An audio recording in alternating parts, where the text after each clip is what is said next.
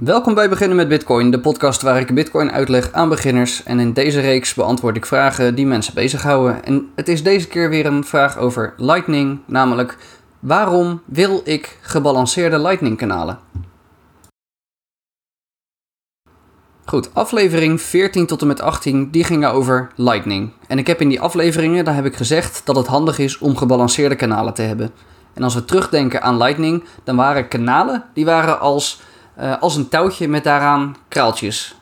En uh, het aantal kraaltjes dat blijft altijd gelijk. En we hebben dus een heel netwerk met mensen met uh, touwtjes, met daaraan ja, kraaltjes. En ja, al die mensen die verbinden met elkaar, daar ging het in aflevering 18 over. En zo hebben we een heel netwerk van betaalrelaties. Zo kan ik dus een kanaal hebben met een totale capaciteit van 1 miljoen Satoshi, 1 miljoen kraaltjes. En nou, toen ik die opende, dat, dat touwtje dus naar iemand anders. Toen stonden al die kraaltjes, al die Satoshi, die stonden aan mijn kant. En dat betekent dat ik op dit moment dat ik alleen betalingen van mij naar die ander kan doen. Want aan de andere kant, er staan helemaal geen kralen of, of de Satoshi om naar mij toe te sturen. Ik kan alleen de kralen die aan mijn kant, kan ik aan, naar de overkant zetten. En als mensen mijn, of dit kanaal dus willen gebruiken, een betaling willen doen over mijn node heen, dat was dat routeren, dan, uh, dan kan dat dus ook maar één kant op. En misschien willen ze juist wel precies de andere kant op werken. Misschien willen ze wel uh, van de andere kant naar mij toe Satoshi sturen. Maar er zijn helemaal geen kraaltjes aan die andere kant om deze kant op te sturen.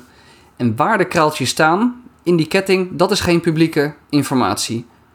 En dat willen we ook niet, want als we weten waar die kraaltjes staan bij ieder kanaal, dan weten we dus uh, wat, wat iedereen's, hoeveel geld iedereen heeft. Dus dat willen we niet.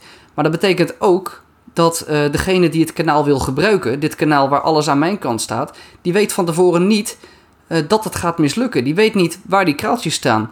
En als het kanaal dus gebalanceerd was, waar ja, dat 1 miljoen kanaal, waar er 500.000 aan mijn kant zouden staan en 500.000 aan die andere kant, dan gaat het waarschijnlijk gewoon goed met die betaling.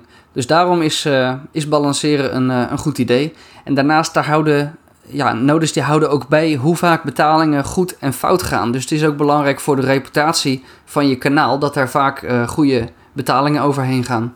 Dus daarom wil je gebalanceerde Lightning kanalen hebben.